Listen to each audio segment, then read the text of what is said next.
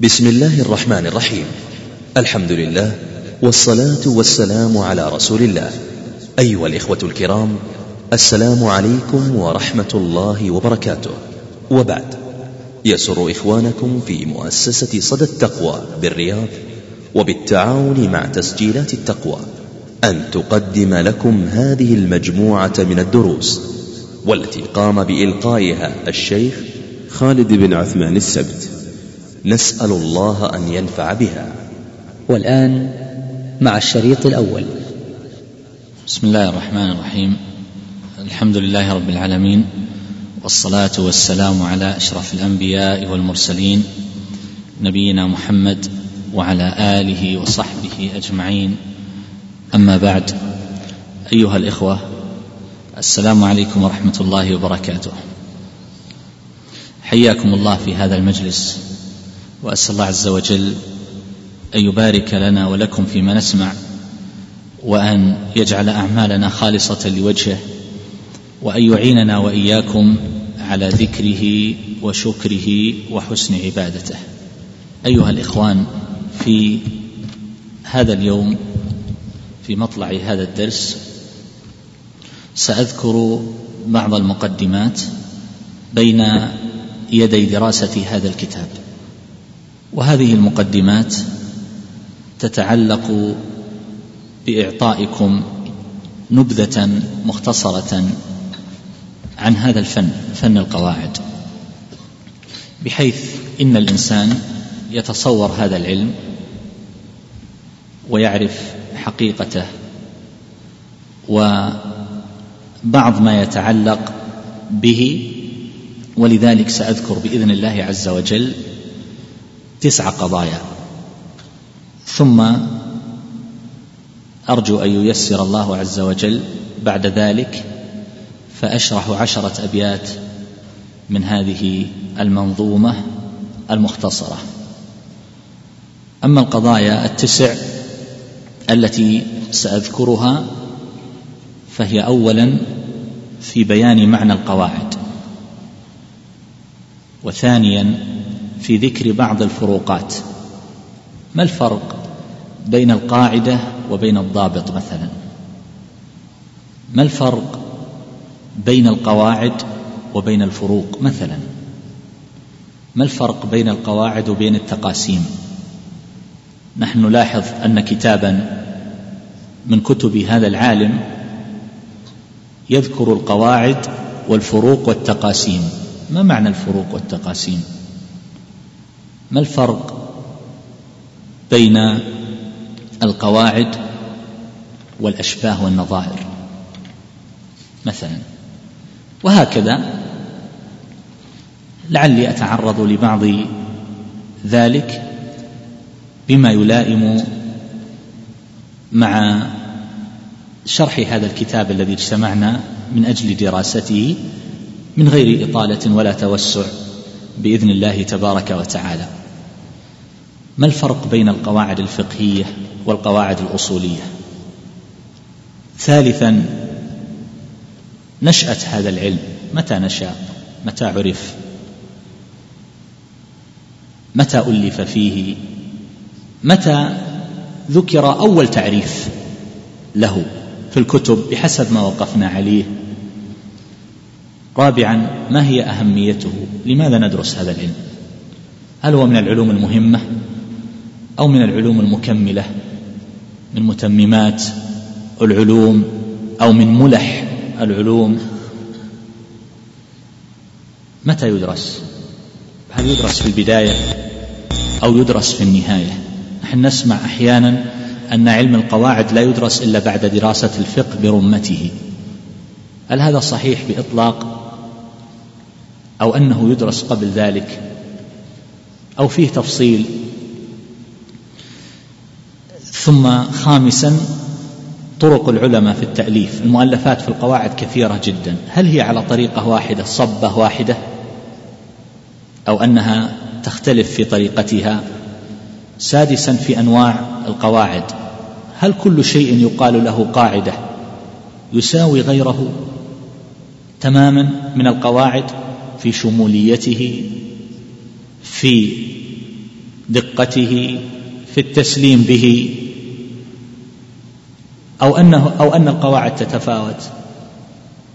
منها ما هو شامل منها ما فيه خلاف في أصله منها ما فيه خلاف في كثير من تفاصيله. وهكذا في قضايا متنوعة. سابعا في طريقة صياغة القواعد. كيف طريقة العلماء في صياغ في صياغة القواعد؟ منهم من يصوغ القاعدة في نصف سطر ومنهم من يصوغ القاعدة في أربع صفحات. ثامنا نماذج نماذج من المؤلفات في القواعد في كل مذهب من المذاهب.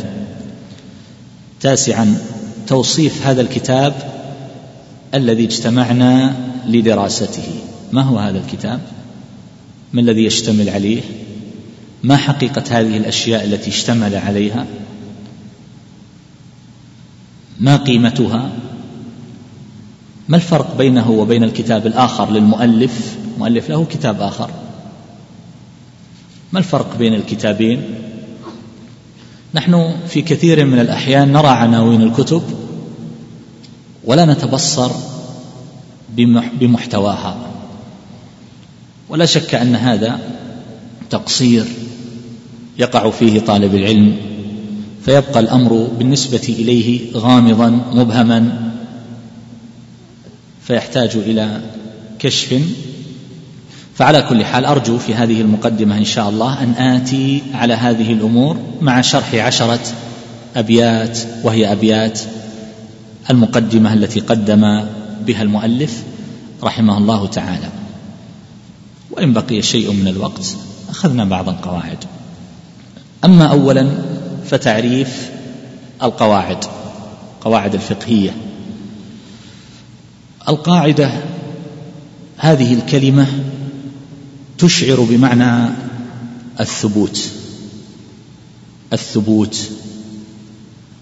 كل معنى من المعاني التي يذكرها أهل اللغة القواعد من النساء قاعدة البناء قواعد السحاب قواعد الهودج وما إلى ذلك كل هذه المعاني التي يذكرونها إذا تأملتها تجد أنها تشعر بهذا المعنى وهو الثبوت وهو معنى صحيح في القواعد. فالقاعدة تطلق على الأساس والأصل الذي يبنى عليه غيره سواء كان حسيا أم معنويا. أما الحسي مثل هذا العمود الذي ترون الآن على أي شيء يقوم؟ لابد أنه يقوم على قاعدة. وإذا كان العمود يقوم على قاعدة فهذا يعني الثبوت. الثبوت. ولو كانت الأعمدة هذه أو هذا البنيان الذي تشاهد الذي تشاهدون لا يقوم على قواعد فمعنى ذلك أنه بنيان هش غير ثابت يمكن أن يسقط في أي لحظة. فاذا القواعد جمع قاعدة وهي التي يبنى عليها غيرها في الأمور الحسية كقاعدة البناء وفي الأمور المعنوية كقاعدة العلم أو قاعدة الباب أو القاعدة الفقهية العامة مثلا. فعندنا قاعدة الأمور بمقاصدها. هذه تشمل جزئيات وأحكام فرعية كثيرة جدا تدخل في كل باب. الأمور بمقاصدها.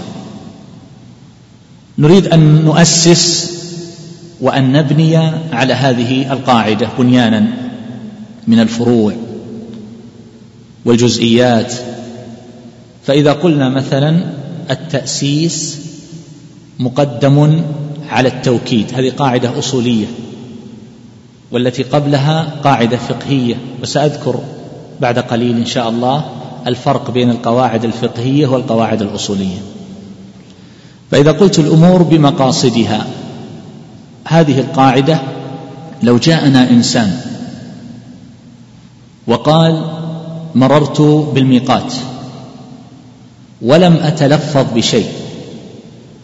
وأنا أريد وأنا أريد الحج. فنسأله مباشرة ماذا كنت تنوي بقلبك حينما عقدت الإحرام؟ نسأله قبل ذلك هل عقدت الإحرام بقلبك ولا لا؟ لا يشترط فيه التلفظ.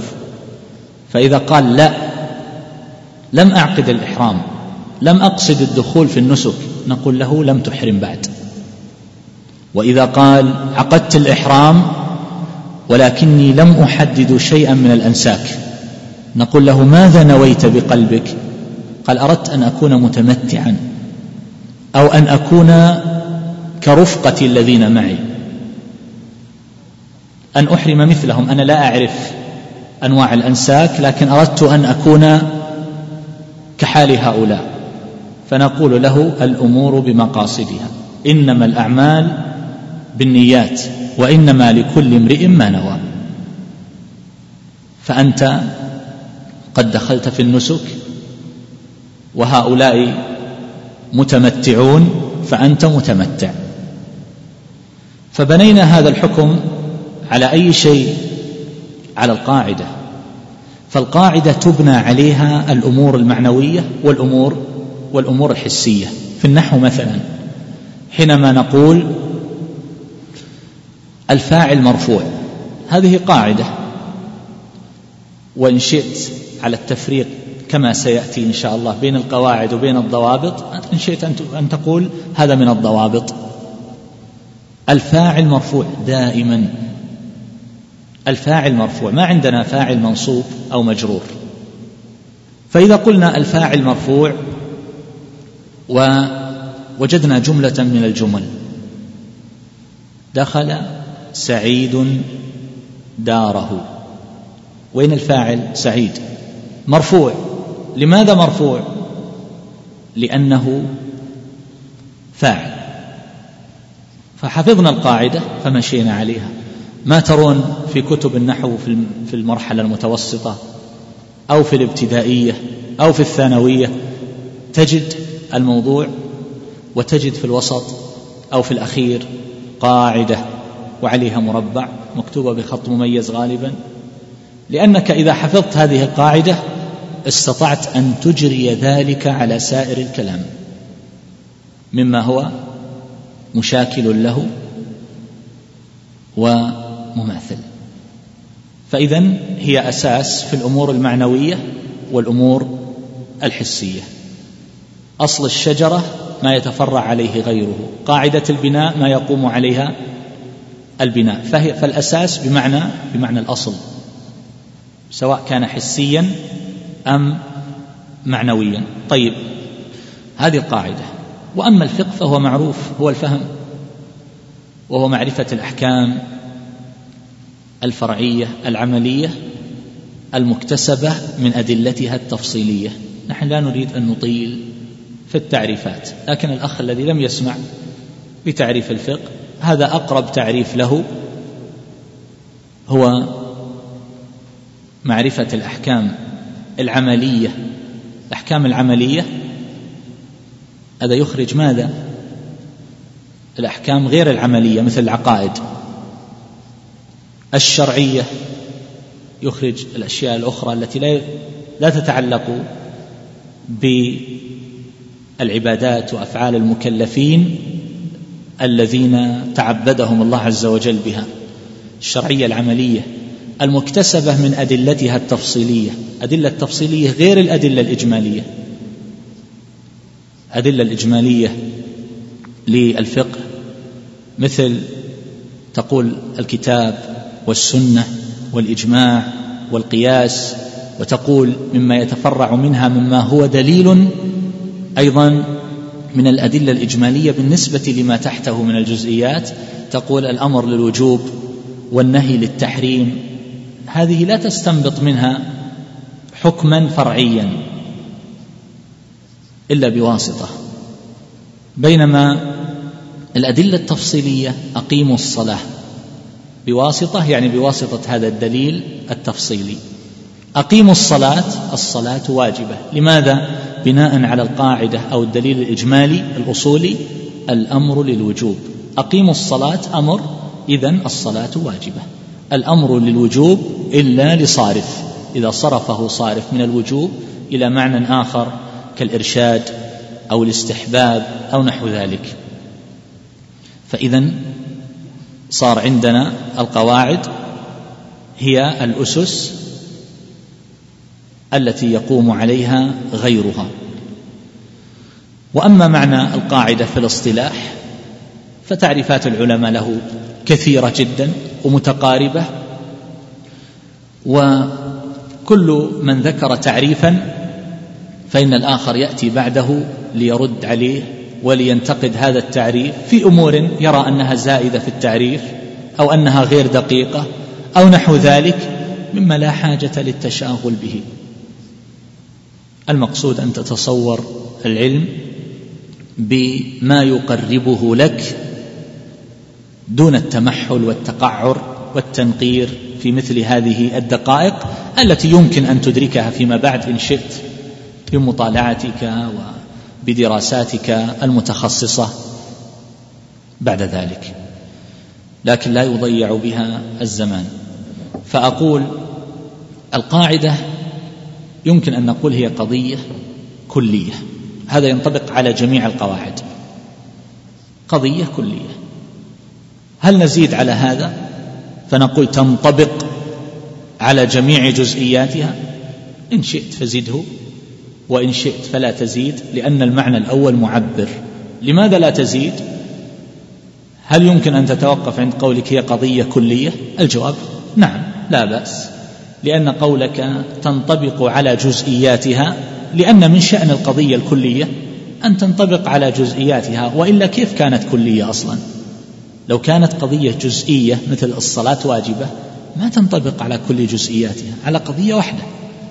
لكن حينما تأتي بقضية كلية الأمور بمقاصدها. المشقة تجلب التيسير. إذا ضاق الأمر اتسع. هذه قواعد كلية. فمعنى ذلك أنها أن أنه يدخل تحتها كثير من الجزئيات لأن الكلية يقابلها الجزئية. فمعنى قضية يعني حكم هذا معنى القضية وهي من العبارات التي يستعملها المناطق بكثرة. لك أن تقول قضية ولك أن تقول حكم. حكم كلي. فالحكم الكلي يقابل الحكم الجزئي. وعرفنا الفرق بينهما. قد يقول قائل القواعد فيها استثناءات ولا تكاد توجد قاعدة حتى القواعد الخمس الكبرى سأذكرها بعد قليل إن شاء الله حتى القواعد الخمس الكبرى لربما لها بعض الاستثناءات كما سيأتي في شرحها إن شاء الله. فاذا لماذا نقول هي قضية كلية وشأن القضية الكلية أنها تنطبق على جميع جزئياتها والقواعد تنطبق على أكثر جزئياتها؟ يكفي في القاعدة حتى تكون قاعدة أن تنطبق على ما يزيد على النصف تشمل ستين بالمئة من الجزئيات. فإذا تفوقت قليلا سبعين بالمئة ثمانين بالمئة تسعين بالمئة لكن مئة بالمئة هذا لا يكاد يوجد إلا في مثل قواعد الحساب. وبعض القواعد العقلية أو بعض قواعد اللغة العربية. وإلا فالقواعد في الفقه والقواعد في التفسير والقواعد الأصولية. وما إلى ذلك عامة هذه القواعد لها لها استثناءات. إما بدليل يخرجها بعض هذه الاستثناءات وبعض هذه الخوارج عنها أو بغير دليل مما لا نعلمه لكن نقول هذا غير داخل في القاعدة. نحن نقول مثلا الأمر للوجوب. الأمر للوجوب قاعدة. وهذه القاعدة تلاحظون أن بعض الأوامر لا نحمله على الوجوب لوجود صارف. وهذا الصارف معلوم عند العلماء مثلا. النبي صلى الله عليه وسلم يقول إذا دخل أحدكم المسجد فلا يجلس حتى يصلي ركعتين. هذا أمر والأمر للوجوب. تعرفون أن جماهير أهل العلم يقولون هذه الصلاة ليست بواجبة. ما هو الصارف عندهم؟ الصارف الأدلة الأخرى خمس صلوات كتبهن الله. وكذلك الرجل الذي قال هل علي غيرها؟ قال لا إلا أن تتطوع. جيد. فهذا الرجل سأل صراحة النبي صلى الله عليه وسلم قال خمس صلوات. فمعنى ذلك أنه لا يجب عليه سوى هذه الصلوات الخمس. مع أن هذا أمر وهو صريح فلا يجلس حتى يصلي ركعتين. فنهاه عن الجلوس وهذا يتضمن النهي عن ضد يتضمن الأمر بضده. نهيه عن الجلوس أمر له بالصلاة من جهة التضمن أو الالتزام. طيب الآن هذه القواعد أغلبية فلماذا قلنا هي حكم كلي؟ ليه؟ نقول الحكم الكلي ليس من شرطه حتى يكون حكما كليا أن ينطبق على جميع الجزئيات وإنما يكون تحته جزئيات ولا بد وينطبق على أغلبها فيكون حكما كليا بهذا الاعتبار. أحيانا قد نجد قاعدة لا نجد لها إلا مثالا واحدا في الواقع. هذه لا تصلح أن تكون قاعدة وإن كانت عبارتها وهيئتها هيئة القواعد. لو قلت مثلا الشمس الشمس تذيب الجليد. قاعدة. لكن كم عندنا من من من جزئياتها و ما ما يوجد غير هذا. فالحاصل أن هذه لا تصلح أن تكون لا بد يكون لها جزئيات. فإذا إذا كان لها جزئيات فإن ذلك يكون مسوغا لأن نطلق عليها بأنها كلية. وليس من شرطها أن تنطبق مئة بالمئة على جميع الجزئيات. وهذا المعنى شرحه الشاطبي رحمه الله في كتاب في كتاب الموافقات. هذا معنى القواعد ومعنى الفقه. إذا ما معنى القواعد الفقهية إذا إحنا عرفنا أن القاعدة هي قضية كلية. فإذا أردنا أن نتكلم عن النحو نقول مثلا هي قضية كلية نحوية. إذا كنا نذكر قواعد في البلاغة قواعد كل قضايا كلية بلاغية. وإذا كنا نتكلم عن علم الحديث فماذا نقول؟ عن قواعده. قضية كلية حديثية. وإذا أردنا أن نتكلم عن قواعد الفقه فماذا نقول؟ هي قضايا كلية فقهية. إذا فهمت هذا وصلت إلى المطلوب. وأما بقية التطويل في التعريفات والتفصيلات فقد يستغنى قد يستغنى عنها لكن هذا يوصلك إلى المطلوب. والمناقشات بعد ذلك يمكن أن تدرس في غير هذا المجلس. هذا معنى هذا معنى القواعد. طيب. علم القواعد علم قواعد الفقه.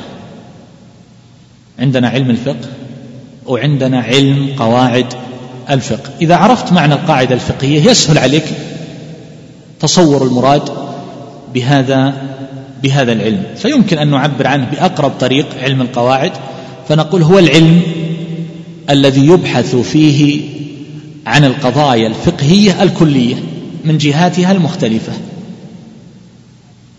العلم الذي يبحث فيه عن القضايا الفقهية الكلية من جهاتها من جهاتها المختلفة. هذا هو علم علم القواعد. وبعد ذلك ننتقل إلى الأمر الثاني وهو ذكر جملة من الفروقات. ولعلكم تذكرون معي وتشاركون في محاولة التمييز بين هذه الأمور التي قد تتشابه في بعض الأشياء. فمثلا القاعدة والضابط. تلاحظون أن العلماء رحمهم الله أحيانا يكتب وهو يؤلف في الفقه مثلا أو في القواعد أو في غيره يضع عنوانا صغيرا يقول ضابط. ثم يضع بعده جملة تشبه القاعدة. ونلاحظ أن العلماء أحيانا يعبرون بعبارات يقولون ضابط المشقة التي يصلح معها الفطر أو يجوز معها الفطر في رمضان هي كذا وكذا ضابط المشقة. وأحيانا يذكرون لنا تعريفا من التعريفات ويعبرون عنه بالضابط. فيقول مثلا ضابط العصبة. في الميراث ما هو ضابط العصبة؟ متى يكون هؤلاء من العصبات ومتى لا يكونون؟ ثم يذكر لنا تعريفا للعصبة أو ما يشبه التعريف.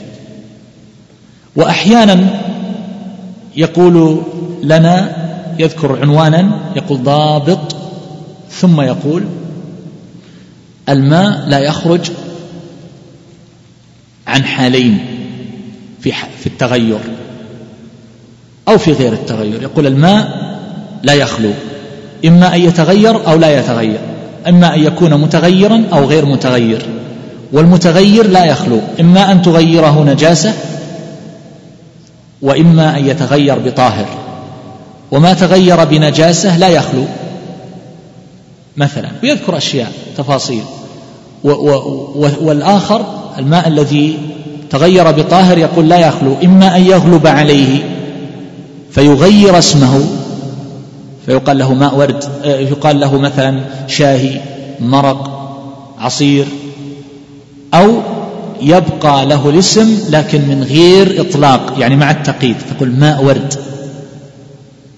ماء ورد. فمثل هذه التي يعنون لها العالم بضابط ويضع لنا تقسيمات. لاحظنا الآن في هذه الأحوال الأربعة يمكن أن الضابط قد استعمل باستعمالات متنوعة. وأحيانا يقول ضابط ويجعل قاعدة من القواعد. إما كبيرة مثل المشقة تجلب التيسير أو يجعل قاعدة صغيرة تتعلق بباب واحد من أبواب العلم. يقول ضابط ضابط. ثم يذكر لنا قاعدة في باب الطلاق أو النكاح أو باب الأطعمة مثلا. أو نحو ذلك. ضابط. حينما يقول مثلا ضابط أو قاعدة ثم يقول الأصل في الذبائح المنع. هل هذه تدخل في جميع أبواب الفقه؟ أو تدخل في باب فقط الذبائح من الأطعمة؟ ولا لا؟ تدخل في باب الذبائح من الأطعمة. فالأصل في الذبائح المنع. هذا هل هذه قاعدة أو أنها ضابط؟ إذن هل تجدون فرقا بين القاعدة والضابط؟ ما الفرق؟ من عنده؟ جواب نعم. نعم. نعم. في باب واحد. نعم. هو ها. نعم. عندكم جواب؟ نعم. نعم. وأيضا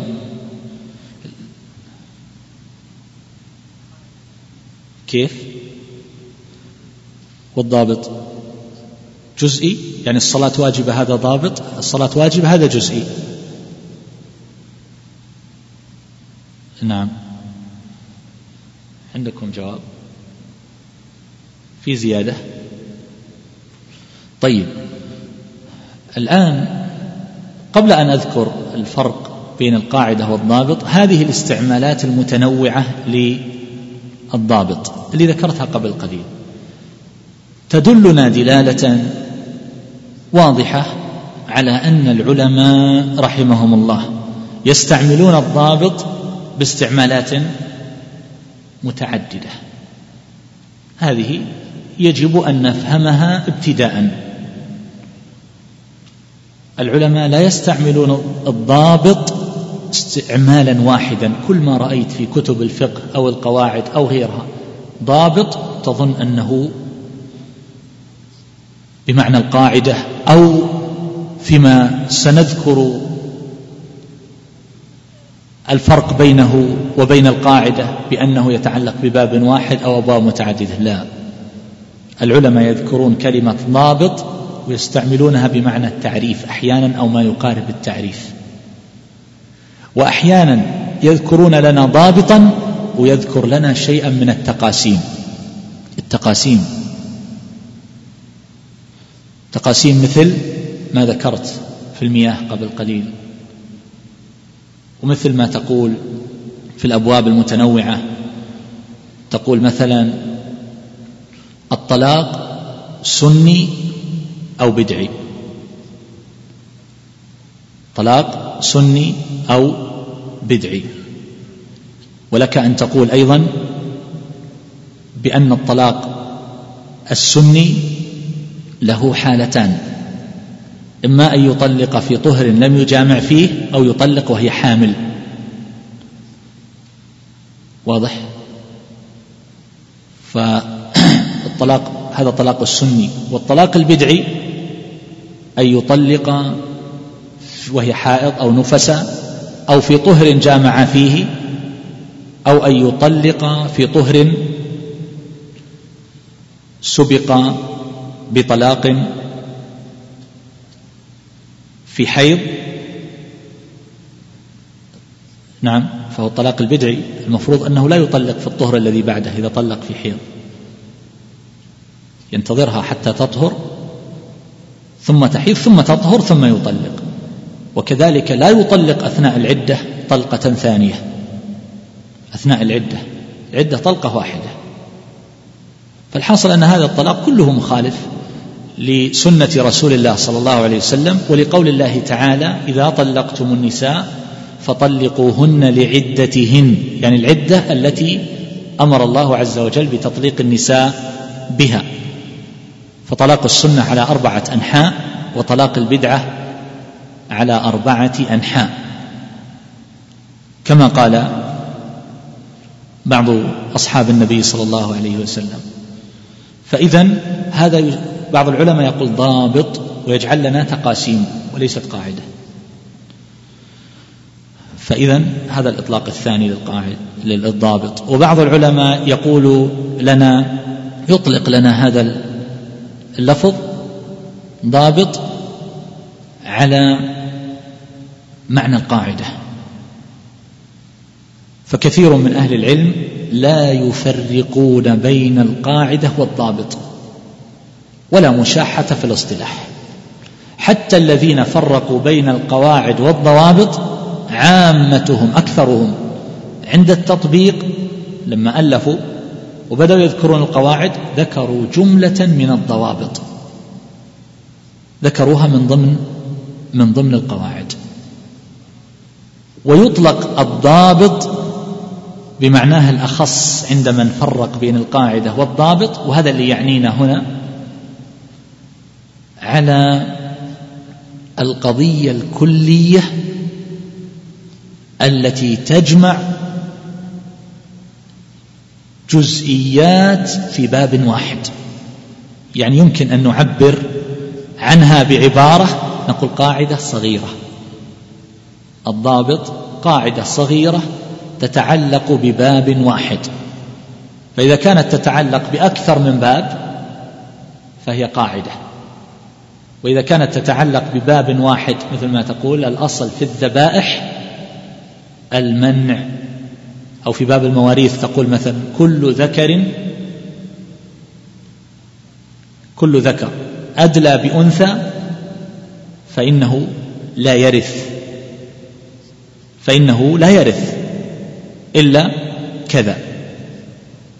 وتذكر ما يستثنى في هذا مثل ولد الأم. هذا هذا معنى الضابط. إذا الفرق بينه وبين القاعدة اتضح الآن. قاعدة عامة تشمل أبواب والضابط في باب واحد. لما نقول مثلا الأصل في الماء الطهارة أو الطهورية ما لم يتغير أحد أوصافه بنجاسة. هذا ضابط ولا قاعدة؟ كيف؟ عند من لا يفرق بين القاعدة والضابط يمكن أن يقول يمكن أن يقول عنه بأنه قاعدة. وعند التفريق يكون ضابط ولا قاعدة؟ ضابط يختص بباب المياه من كتاب الطهارة. لاحظت الأصل في الماء؟ الطهورية. إلا إذا تغير أحد أوصافه. طبعا تلاحظون في كتب القواعد أن بعض أهل العلم يقول هذا أشبه بالفروع الفقهية. يعني لو أردنا أن نلطف العبارة قليلا فقد لا نقول أشبه بالفروع الفقهية لكن نقول هذا ضابط من الضوابط. ليه؟ لأنه يختص بباب لأنه يدخل تحته جزئيات لكنها في باب أو ضمن باب واحد. هذا الفرق بين القاعدة والضابط. بعد ذلك هل هناك فروقات أخرى؟ هذا أهم فرق هذا أهم فرق. هناك فروقات أخرى أن الضوابط الخلاف قد يكون في أصلها لأنها أشبه بالفرع. بينما القاعدة كبيرة جدا. الغالب أن أصل القاعدة يوافقون عليه لكن يختلفون في بعض فروع القاعدة في بعض تفاصيلها فقط. لكن القاعد الضابط إذا اختلفوا فيه عادة يختلفون في أصله هل هو صحيح أصلا أو لا. فهذا فرق بين القواعد والضوابط من حيث نظر العلماء له لا من حيث هو. الفرق الأول فرق بين القاعدة والضابط من حيث حقيقته. هذا يشمل الأبواب وهذا يتعلق بباب واحد. من حيث نظر العلماء له وموقفهم منه خلافهم في الضوابط يكون في أصلها غالبا وفي القواعد في تفاصيلها وفروعها. لاحظتم؟ أيضا الخلاف في تفاصيل الضوابط أقل منها بالنسبة للخلاف في تفاصيل القواعد. ليه؟ لأن الضابط محدود جدا وكلما كانت كان الشيء محدودا كلما كانت نسبة الخطأ في تفاصيله أقل بخلاف الشيء المبرم العام. فإنه يدخل تحت تفاصيل كثيرة جدا قد لا يوافق عليها ولهذا كان الذي يطلق الأحكام العامة غالبا ما يكون مجانبا للدقة في التعبير أليس كذلك؟ فأنت حينما تقول مثلا كل الطعام حلال. لا ليس كل الطعام حلال. الخنزير حرام والميتة حرام والخمر حرام والسموم حرام وكل ذي المخلب من الطير فهو حرام وكل ذي ناب من السباع فهو حرام. لكن قل عامة الطعام حلال قل الأصل في المطعومات الحل. لاحظ؟ هذه قاعدة وهي أغلبية. لما أقول الأصل في المطعومات الحل غير لما أقول كل مطعوم فهو حلال. الأصل في المطعومات الحل يخرج عن هذا الأصل تفاصيل وجزئيات وما إلى ذلك. نشأة القواعد كيف كيف نشأت. في ذلك بالنسبة للقواعد لا شك أن القواعد كانت معروفة. لدى أصحاب النبي صلى الله عليه وسلم وهم أئمة الفقه. ومعروفة لدى التابعين وأتباع التابعين.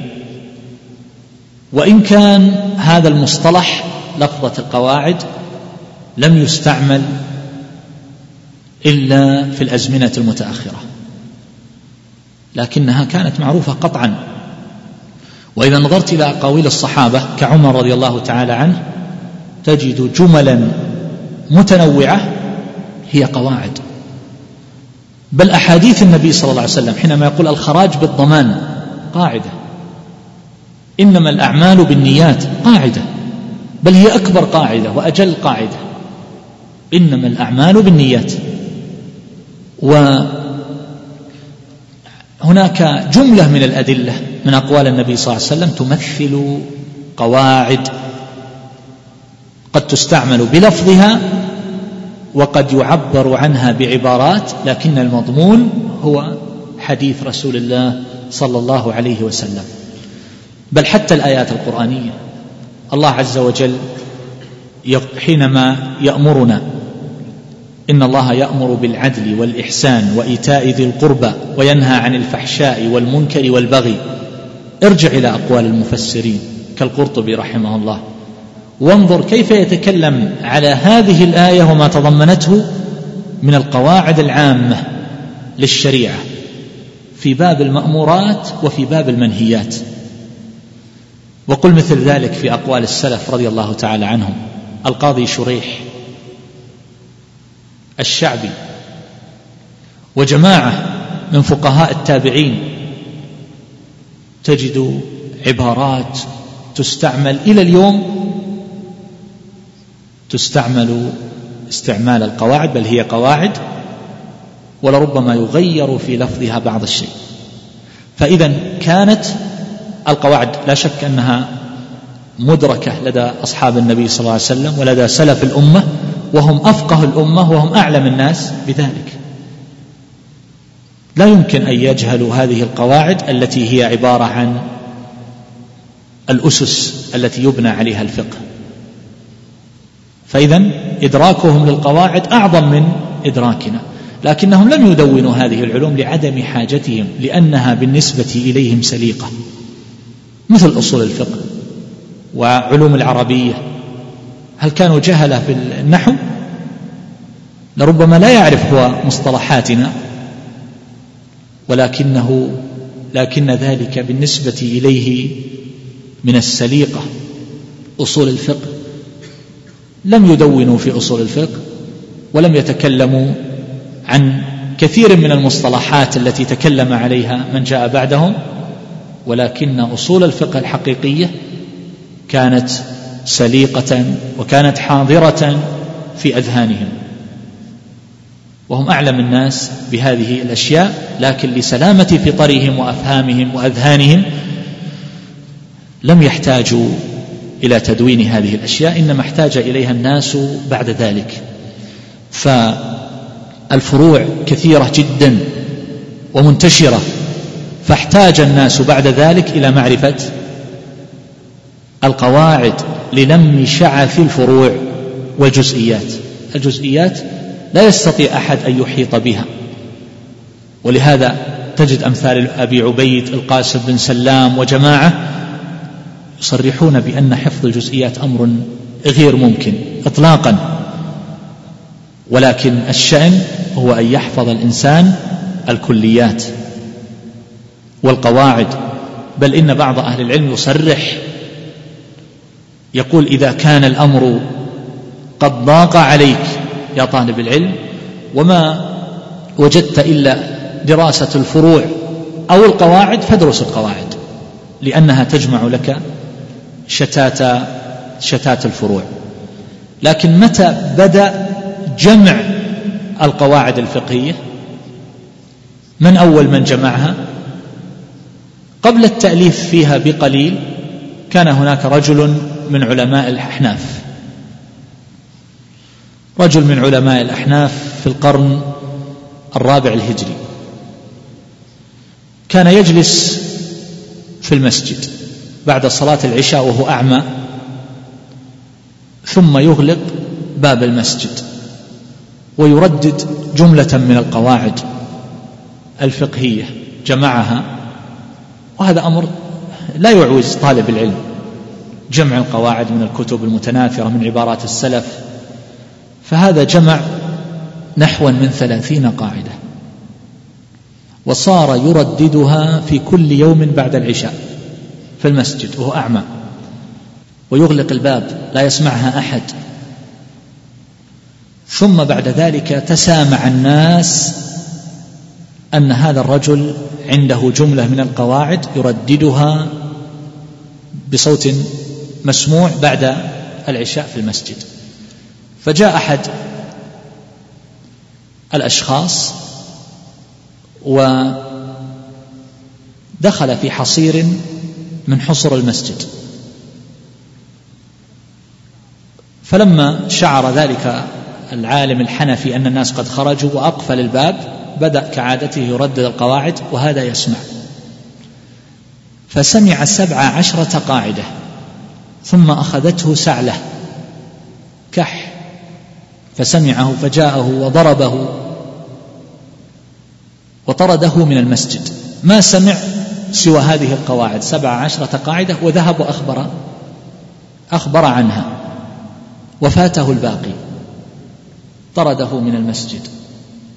فجاء رجل من العلماء علماء الحنفية يقال له حسين المروزي متوفى سنة اثنتين وستين وأربعمائة. فجمع جملة من القواعد الفقهية. وأيضا هناك من جمع في هذا أشياء قبله وهو أبو الحسن الكرخي أيضا من الحنفية متوفى سنة أربعين وثلاثمائة. فألف أول كتاب في قواعد أول كتاب في قواعد الفقه وهو المعروف بأصول الكرخي أول كتاب في القواعد الفقهية. ثم تتابع التأليف. وكثر جدا في كل المذاهب كما سألمح بعد قليل إن شاء الله. أما القواعد الخمس الكبرى فأول من يعرف في التأليف فيها أول من ألف فيها هو العلائي والعلائي متأخر معاصر لشيخ الإسلام ابن تيمية رحمه الله. هو أول من ألف في القواعد الخمس الكبرى. وأما أول من ألف في القواعد الفقهية تحت مسمى الأشباه والنظائر أول من عرف بهذا ابن الوكيل. نعم. آه، فيما يتعلق بأهمية القواعد وهو رابعا أقول القواعد تجمع لك الجزئيات بعبارة مختصرة. حينما تحفظ قاعدة في الفقه أو في أصول الفقه أو في غيره أو في التفسير التأسيس مقدم على التوكيد. ثم تأتي وتطبق على الأدلة. هذه قاعدة أصولية. تفسيرية. التأسيس مقدم على التوكيد. فإذا جاءت عبارة في التفسير مثلا هو الله الخالق البارئ المصور. الخالق والبارئ هل هما بمعنى واحد؟ إذا أعملت قاعدة التأسيس مقدم على التوكيد تقول الخالق هو المقدر والبارئ هو المنشئ للخلق. قدر ثم أنشأ وأوجد. فلا أنت تفري ما خلقت يعني ما قدرت وغيرك يخلق يعني يقدر ثم لا يفري. لا يستطيع أن ينفذ ملك من الملوك يخطط وآخر يخطط. هذا يخطط وينفذ وهذا يخطط ولا يستطيع أن ينفذ. فهذا يمدح هذا الملك ويقول له فلا أنت تخلق تفري ما خلقت وغيرك يخلق ثم لا يفري. فاذا القواعد هي عبارات قصيرة جدا محكمة تجمع لك شتات الفروع. وأي فائدة أعظم من هذه الفائدة؟ حينما تحفظ قاعدة المشقة تجلب التيسير. المشقة تجلب التيسير. جاك إنسان وقال عنده سلس في البول. ولا يستطيع أن يجلس دقيقتين دون أن يخرج منه هذا البول. فماذا نقول له؟ نقول صلي على حالك. لماذا؟ قال قلنا لأن المشقة تجلب التيسير. المشقة تجلب. إنسان مهنته صباغ. صباغ كله صبغ. نقول له أزل هذا الصبغ قبل الصلاة لأنه يمنع الوضوء من وصول يمنع من وصول الماء. سيقول لك يبقى نقط كثيرة بين الأصابع وبين الأظفار وفي اللحم. لا أستطيع. ماذا نقول له؟ نقول له المشقة تجلب التيسير. أزل ما تستطيع تتمكن من إزالته والباقي مغتفر. التحرز من النجاسات بالنسبة للمرأة المرضع. يصعب عليها. كل صلاة تحتاج أن تغير الثياب. نقول لها تتحرين الطهارة وتغسلين ما غلب على ظنك أن النجاسة قد وقعت عليه ولكن يغتفر من هذا ما يغتفر مما يصعب التحرز منه. الكلابون الذين يربون الكلاب. وللصيد أو للحراسة أو لغيرها من الأغراض المعتبرة شرعا.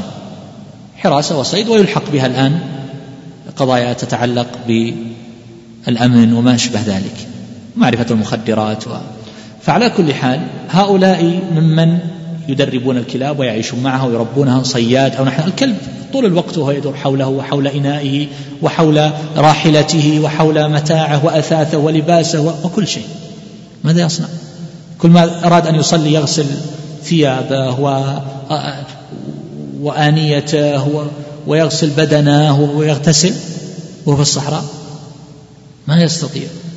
فمثل هؤلاء يغتفر لهم ما لا يغتفر لغيرهم ممن مر في الطريق لأول مرة يشاهد كلب في حياته لربما فجاء هذا الكلب ولربما أصابه شيء من لعابه أو أصابه شيء من رشاش بوله أو نحو ذلك.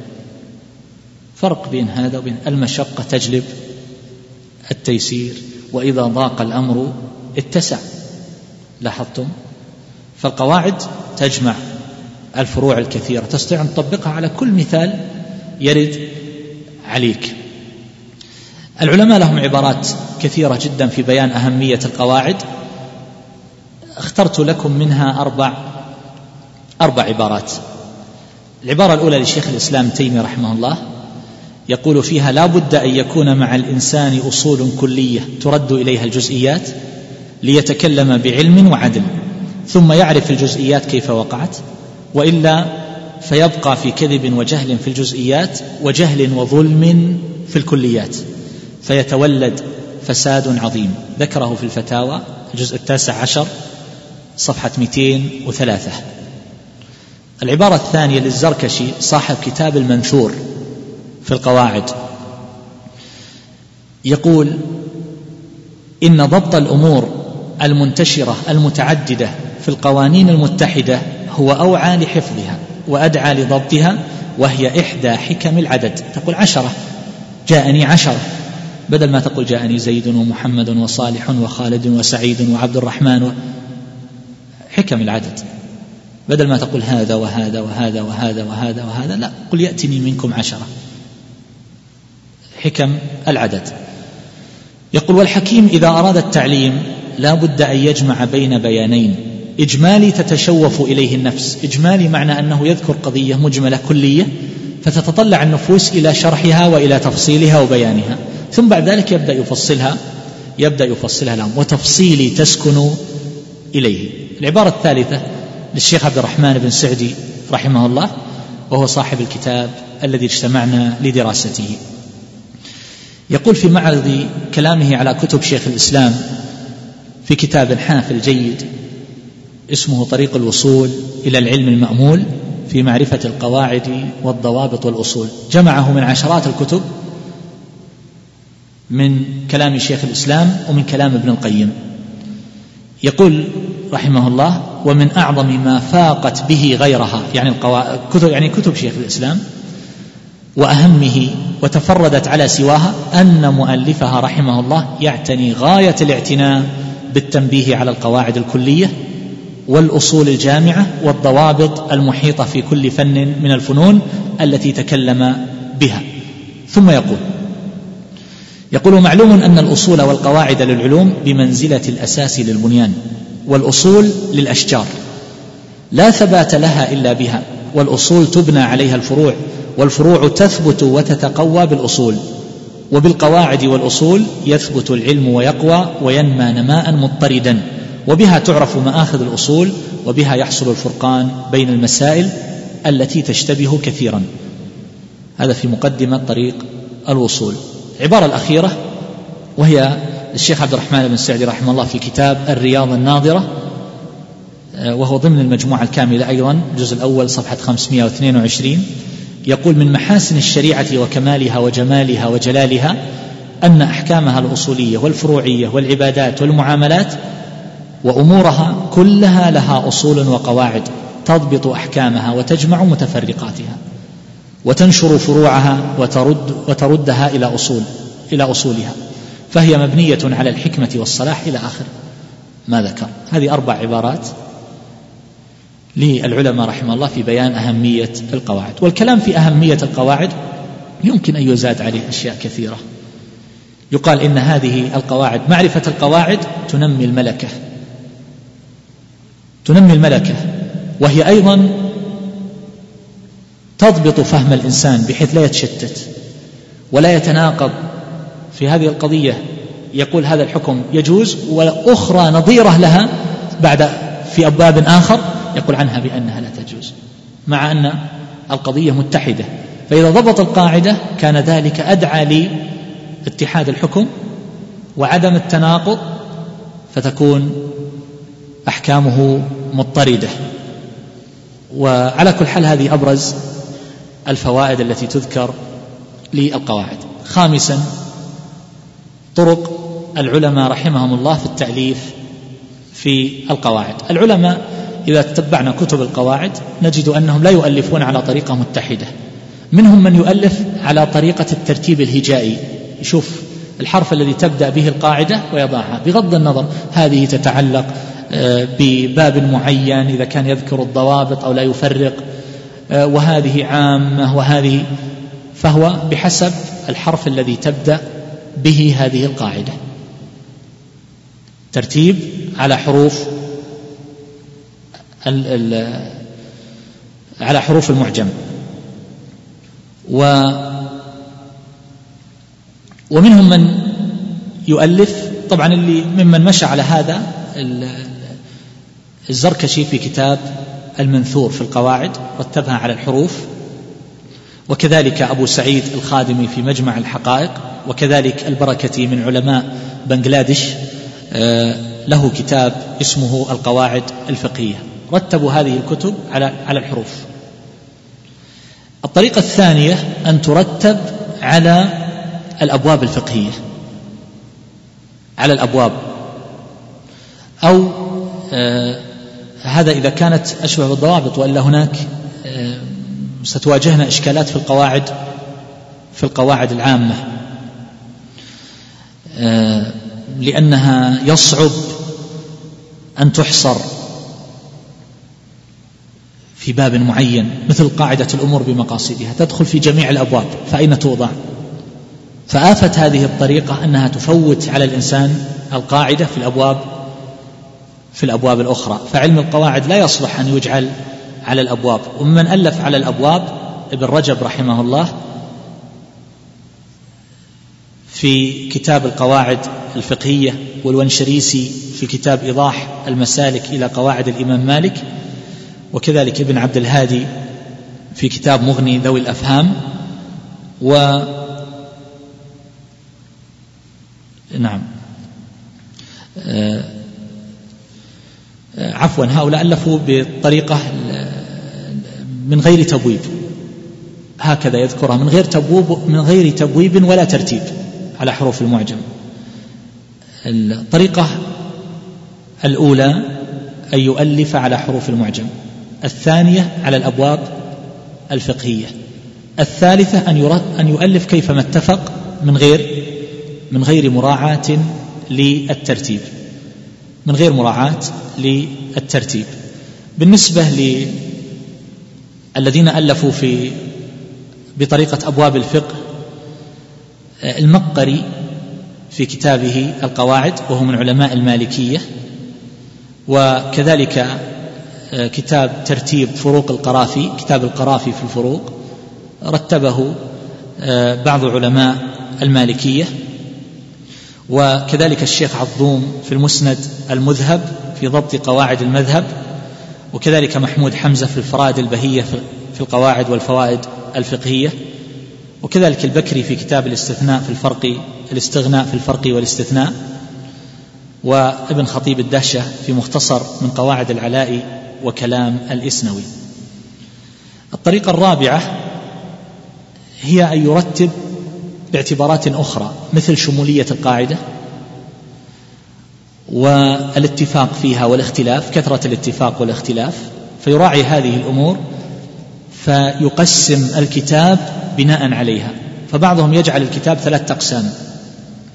القسم الأول قواعد كلية يرجع إليها أغلب المسائل في أبواب مختلفة مثل قاعدة الأمور بمقاصدها. القسم الثاني قواعد كلية ترجع إليها بعض الأبواب. تتعلق ببابين ثلاثة أو نحو هذا. القسم الثالث قواعد خلافية. قواعد خلافية. قواعد خلافية هذه في كثير من الأحيان يجعلونها مبدوءة بالاستفهام. هل هل إذا كان لأنها غير مجزوم بها لكثرة الخلاف فيها.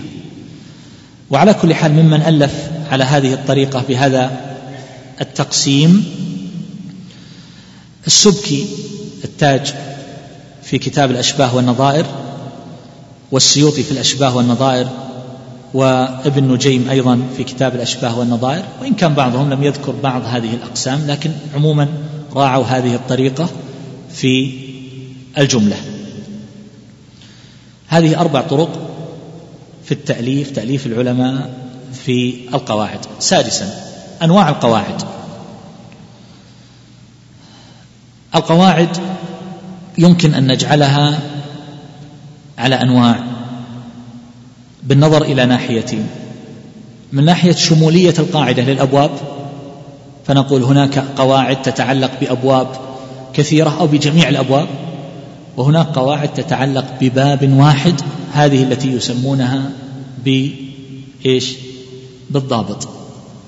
واضح؟ النظر الثاني الناحية الثانية التي تلاحظ في القواعد وهي الاتفاق والخلاف.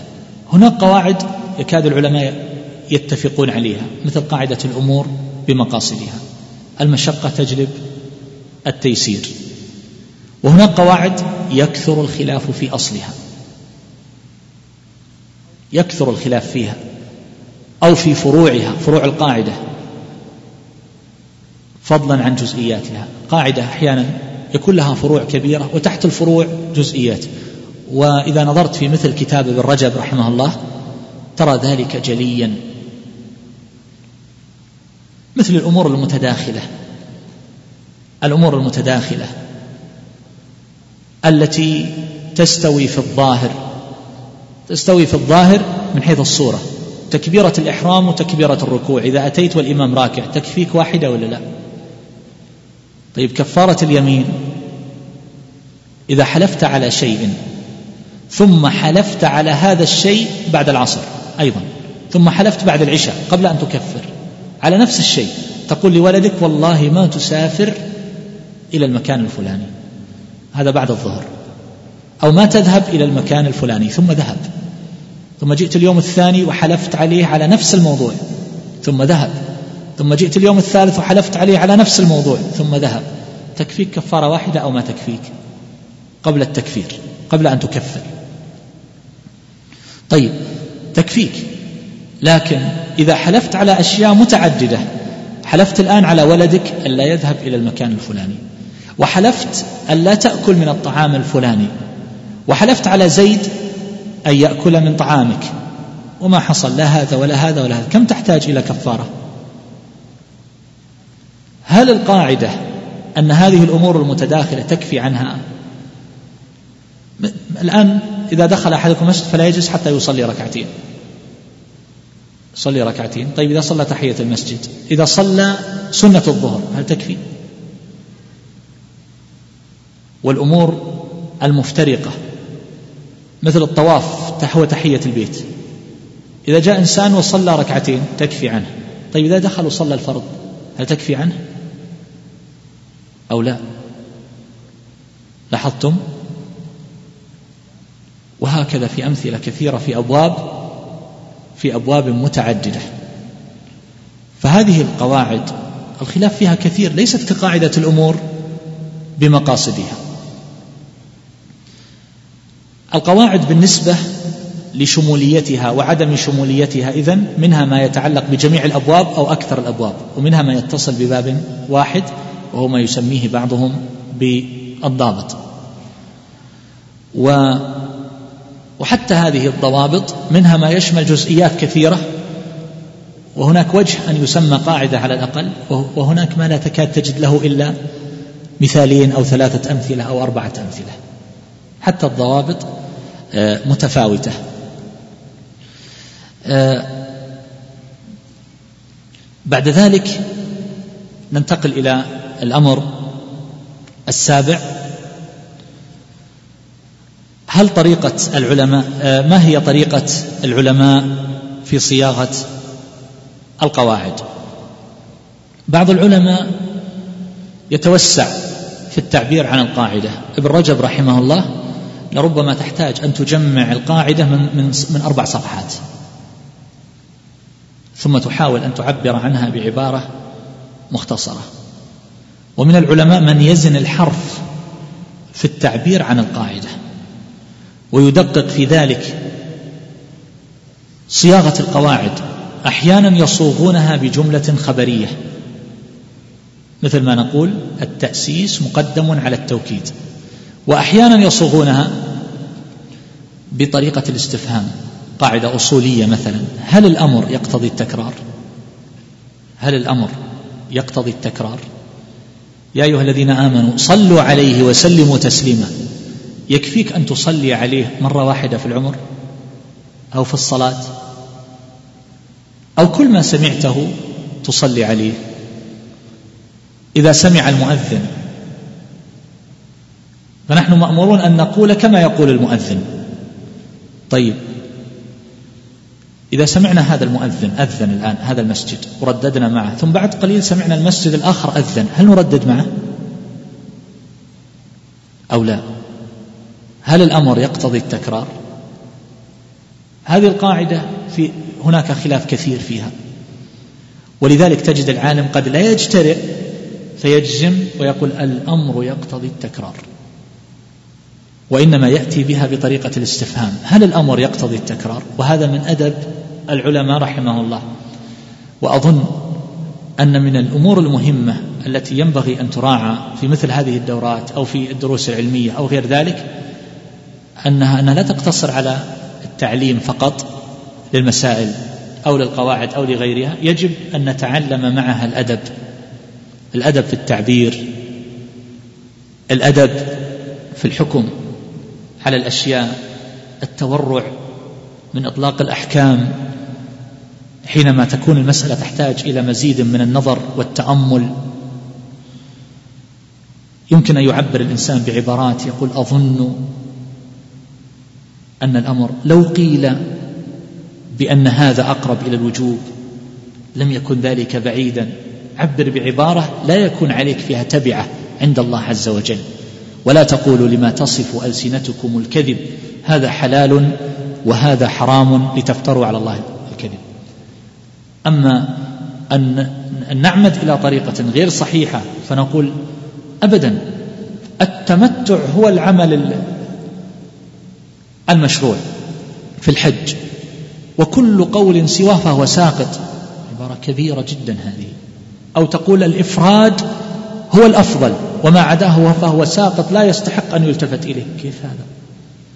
كيف هذا؟ قد يسمعك بعض من لا بصر له ويظن أن هذا الكلام صحيح أو له وجه.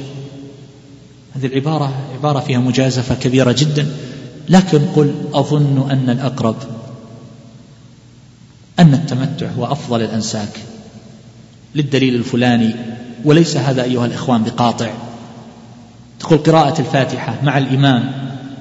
لو قيل بأنها تقرأ لم يكن ذلك بعيدا نظرا للدليل الفلاني والدليل وليست القضية ترى بقاطعة. معنى الأحرف السبعة هي وجوه من وجوه التغاير في القراءة كالتقديم والتأخير والإبدال وما إلى ذلك وليس ذلك بقاطع. هذا أحد الأقوال. لو قيل بأن هذا هو معناها معنى الأحرف السبعة لكان له وجه. لكن أما تقول معنى الأحرف السبعة القول الذي لا مرية فيه ولا محيد عنه ولا يمكن أن يلتفت إلى غيره أنها سبعة أوجه من وجوه التغير هذا هذا ما يصلح. وليست هذه طريقة كذلك التعبير بالعبارات التي تعتبر كبيرة وقد تصلح لبعض العلماء الكبار لكن لا تصلح لطلاب العلم. لا داعي للتعبير عنها. وفلان قد أبعد النجعة حينما هذه الصواريخ اللي نجدها أحيانا في هوامش بعض الكتب اللي تسمى محققة. يتربى عليها صغار الطلبة وينشأ عليها ويظن أن هذه الطريقة الصحيحة في التعلم ويستعمل هذه العبارات. وتكون هذه المنافرات على طريقة المنافرات في تشجيع الأندية الرياضية. هذا الشاب الصغير بدل ما كان يتحمس مع أولاد الجيران على تشجيع النادي الفلاني أو النادي الفلاني ويحصل بينهم من المنافرة دخل في أمور أخرى الآن وهي الخلاف بين العلماء فبدأ يتكلم يظن أن القضية بنفس الطريقة التي كان يتكلم عليها حينما كان يشجع النادي الذي كان يحبه. فهذا خطأ فالمفروض أن نراعي أيها الإخوان هذه الأشياء. فالمقصود أن العلماء رحمهم الله في طريقتهم في التعبير عن القواعد ليست طريقتهم واحدة. منهم من يختصر ويلخص ومنهم من آه، يسهب في العبارة ومنه وأحيانا يعبرون عن القاعدة بطريقة استفهامية وأحيانا بجملة آه، خبرية. وعبارتهم تتفاوت لأنهم لم يجلسوا في مكان واحد ويتفقوا في مجمع على صياغة القواعد. بينهم قرون متطاولة ولهم أنظار متفاوتة. فمثلا قاعدة اليقين لا يزول بالشك. نجد الخطابي يعبر عنها اليقين لا يزحم الشك. لا إشكال. ابن عبد البر يعبر عنها بقوله اليقين لا يزيله الشك. آخر يعبر عنها اليقين لا يزول بالشك. وهذا هو التعبير المشهور.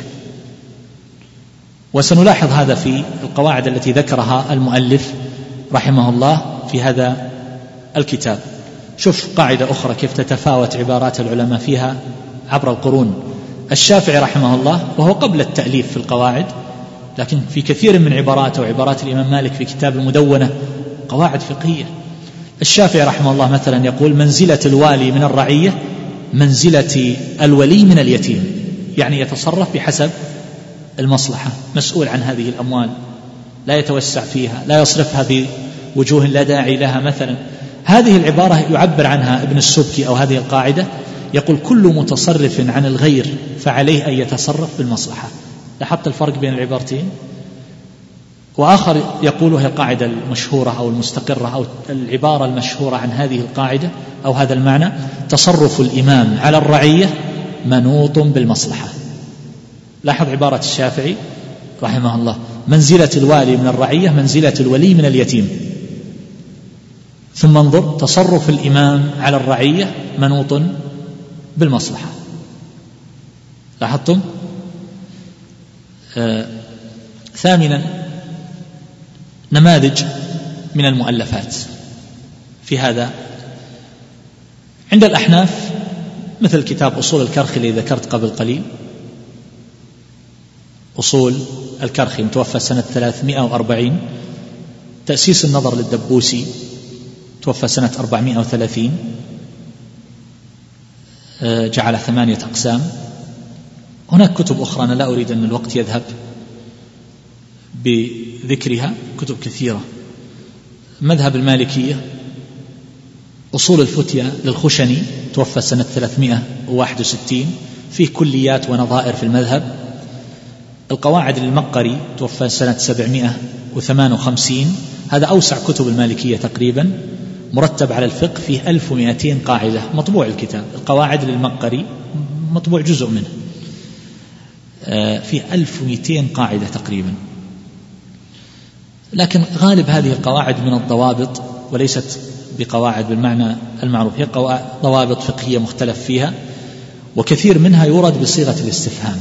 هل كذا كذا؟ مذهب الشافعية عندنا قواعد الأحكام ومصالح الأنام للعز بن عبد السلام المتوفى سنة 660 آه، يدور حول قاعدة واحدة هي جلب المصالح مقدم على درء المفاسد. ليه اقتصر على هذه القاعدة؟ لأنه يرى أن جميع القواعد ترجع إليها وجميع الفقه يرجع ويستند إليها في النهاية. فاقتصر عليها وشرحها شرحا آه، رائعا. عندنا من كتب الشافعية المنثور للزركشي وهو كتاب حافل زركشي متوفى سنة 794 يعد من أجمع الكتب آه، في القواعد. رتب قواعده على حروف المعجم. فيه آه، يمكن ألف قاعدة. آه، كذلك كتاب الأشباه والنظائر للسيوطي متوفى سنة 911 نعم. على كل حال في خلاصة لما ذكره آه، من سبقه مثل ابن السبكي وابن الوكيل وغيرهم ممن كتب في القواعد وهو من أحفل كتب القواعد ومن أنفعها وهو من الكتب التي تتوسع في ذلك. الحنابلة مثلا آه، هنا قواعد ابن رجب وهو من أوسع كتب القواعد أيضا لكن هذا الكتاب قد لا يصلح إلا لمن درس الفقه على المذهب دراسة جيدة قوية ودراسة فيها شيء من التوسع ليست على قول واحد.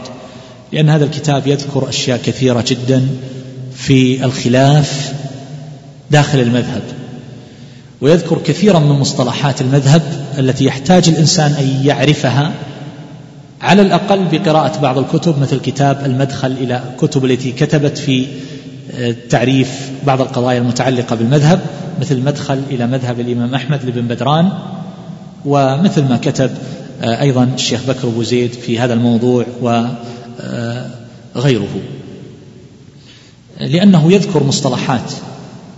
إذا قال لك مثلا وهذا في رواية وهذا مخرج تخريج. ما معنى التخريج في المذهب؟ آه، إذا قال لك هذا مثلا نص عن الإمام أحمد. إذا قال لك هذا قاله صاحب الرعاية إذا قال لك هذا قاله مثلا آه، إذا قال إذا قاله هذا قاله صاحب المنتهى. إذا قال هذا قال به أبو بكر عبد العزيز. من هو أبو بكر عبد العزيز؟ نعم. فهذا يحتاج إلى أن إلى أن يقرأه إنسان هؤلاء بالنسبة إليه من المعروفين. كما تقرأ مثلا في, في تقول حافظ بن حجر أو فلان أو فلان من تعرفهم مشهورين لديك فتحتاج أن تعرف هؤلاء في داخل المذهب. ولذلك أقول دراسة علم القواعد لا يقال إنها آخر ما تدرس كما يقال بعد طلبة العلم بإطلاق منها ما يدرس في البداية ويمكن يدرس لعموم طلبة العلم. مثل هذا الكتاب ومثل القواعد الخمس الكبرى. وهي ضمن هذه القواعد التي سندرسها إن شاء الله كما سيأتي. وهناك أشياء الواقع أنها تدرس فيما بعد مثل كتاب قواعد ابن رجب والأشباه والنظائر للسيوطي أشباه والنظائر لابن نجيم حنفي وأمثال هؤلاء. فعلى كل حال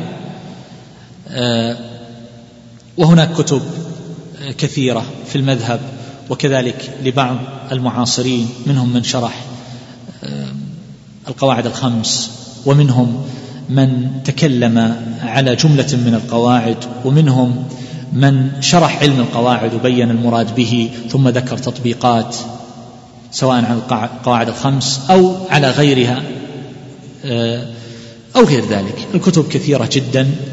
في هذا الباب ومن تتبع ودرس بإذن الله واصل فإنه سيجد متسعا من العلم والمؤلفات في هذا الباب. تاسعا. توصيف هذا الكتاب. هذا الكتاب الذي ندرسه أذكر بعض آه، الإيضاحات حوله. هذا الكتاب ألفه المؤلف رحمه الله وهو في مقتبل شبابه. شاب في مقتبل العمر. ألفه في الثامن عشر من شهر ذي القعدة سنة إحدى وثلاثين وثلاثمائة بعد الألف. ومعلوم أن المؤلف رحمه الله كان مولده سنة ألف وثلاثمائة وسبعة للهجرة. فكم يكون عمر المؤلف لما ألف هذا النظم؟ وشرحه. كم عمره؟ نعم. تقريبا ثلاث وعشرين سنة. هذا الكتاب الذي ندرسه ألفه صاحبه وعمره ثلاث وعشرين سنة تقريبا. ثلاث وعشرين سنة. كم واحد فيكم من ثلاث وعشرين فما فوق؟ من؟ طيب. إذا هذا من أول مؤلفاته. بينما الكتاب الآخر في القواعد الفقهية والفروق والتقاسيم قواعد الجامعة والفروق والتقاسيم البديعة النافعة كان من آخر مؤلفاته. كان من آخر مؤلفاته. ألفه قبل وفاته بسنتين تقريبا. لاحظت الفرق؟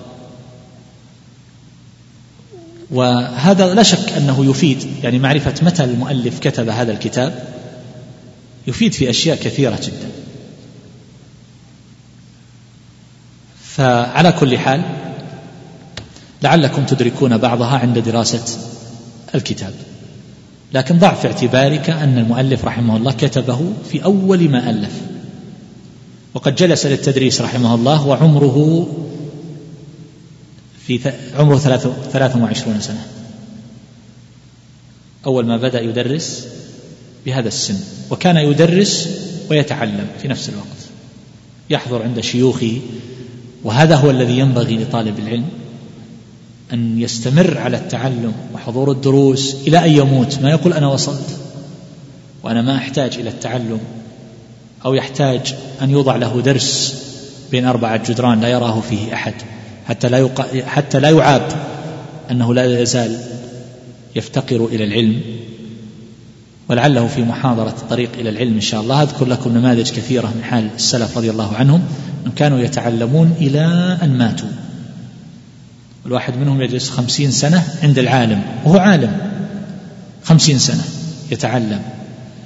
ولو لم يكن له في هذا إلا دفع الكبر عن نفسه لكفاه تربية عملية. يكفي هذا. وعلى كل حال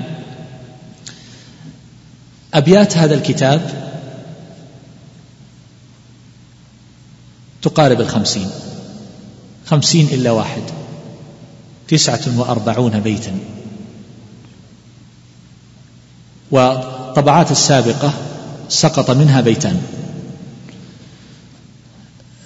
عشرة من هذه الأبيات هي في المقدمة. مقدمة بين يدي وهي تعتبر كثيرة بالنسبة للعدد القليل لهذه الأبيات وقد ذكر هذه المنظومة على بحر الرجز.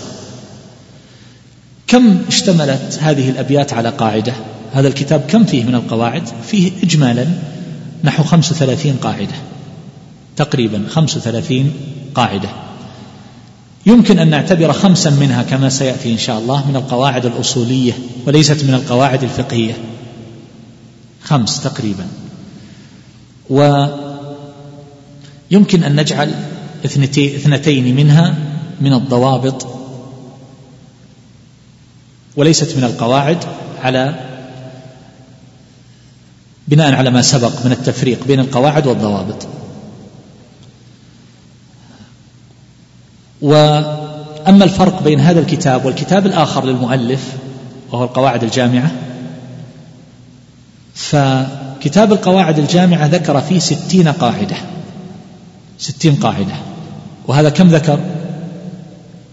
خمس وثلاثين إجمالا فإذا حذفنا خمس منها قواعد أصولية واثنين من الضوابط يعني تقريبا النصف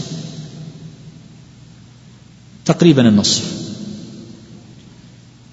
في كتاب القواعد الجامعة ذكر ستين قاعدة وأعقبها بجملة من الفروق والتقاسيم غير مرتبة. يعني ما وضع التقاسيم لوحدها و والفروق لوحدها وإنما أجمل. فذكر نحوا من أربع وعشرين فرقا من الفروق. وذكر نحوا من اثنين وثلاثين تقسيما من التقاسيم. لاحظت؟ إذن الكتاب نصفه في القواعد ونصفه في الفروق والتقاسيم. ما وجوه التداخل بين الكتابين؟ كتاب القواعد الجامعة يشتمل على نحو سبع وعشرين قاعدة مما في هذا الكتاب من خمس وثلاثين. على نحو سبع وعشرين قاعدة موجودة في الكتاب الآخر. إذن عامة ما في هذا الكتاب من القواعد موجودة في القواعد الجامعة. الكتاب القواعد الجامعة ذكر من القواعد الخمس الكبرى أربعا. لم يذكر أكبر قاعدة اللي هي الأمور بمقاصدها. يمكن لأنها معروفة مشهورة في الكتب أو أنه ذكرها في هذا الكتاب. هذا الكتاب ذكر القواعد الخمس الكبرى وزيادة.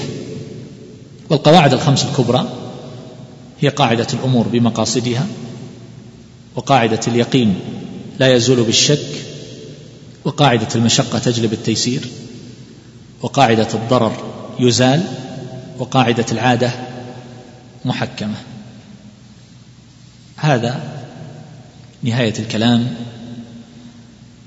على هذه المقدمات التي تعطيك تصورا عن هذا العلم.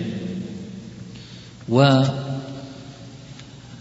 سأشرح إن شاء الله تعالى هذا النظم في كل يوم بمعدل سبعة أبيات. عدا الغد إن شاء الله لعلي أشرح سبعة عشر بيتا لأن المقدمة ليس فيها شيء يحتاج الوقوف عنده. و بحيث ننتهي منه إن شاء الله تعالى في نحو خمسة أيام بالكثير. خمسة أيام يعني سوى اليوم يعني إلى يوم الخميس بإذن الله عز وجل. آه، هل لديكم سؤال؟ من عنده سؤال؟ طبعا نحن نريد حفظ هذه من أراد أن يحفظ آه، من أراد أن يحفظ فيمكن قبل الدرس سريعا أن أسمع للإخوان اللي يريدون يحفظون.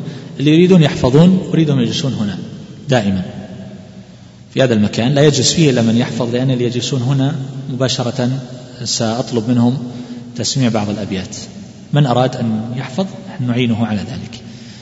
إن شاء الله. فال أيضا سأجري لكم اختبارا في آخر هذه الدورة. آخر يوم. بعد الدرس الأخير سأجري لكم اختبارا. وطريقته أعطيكم أسئلة مكتوبة تجيبون عنها في نفس الوقت بعد الدرس. بإذن الله. أه لعلي أتوقف عند هذا.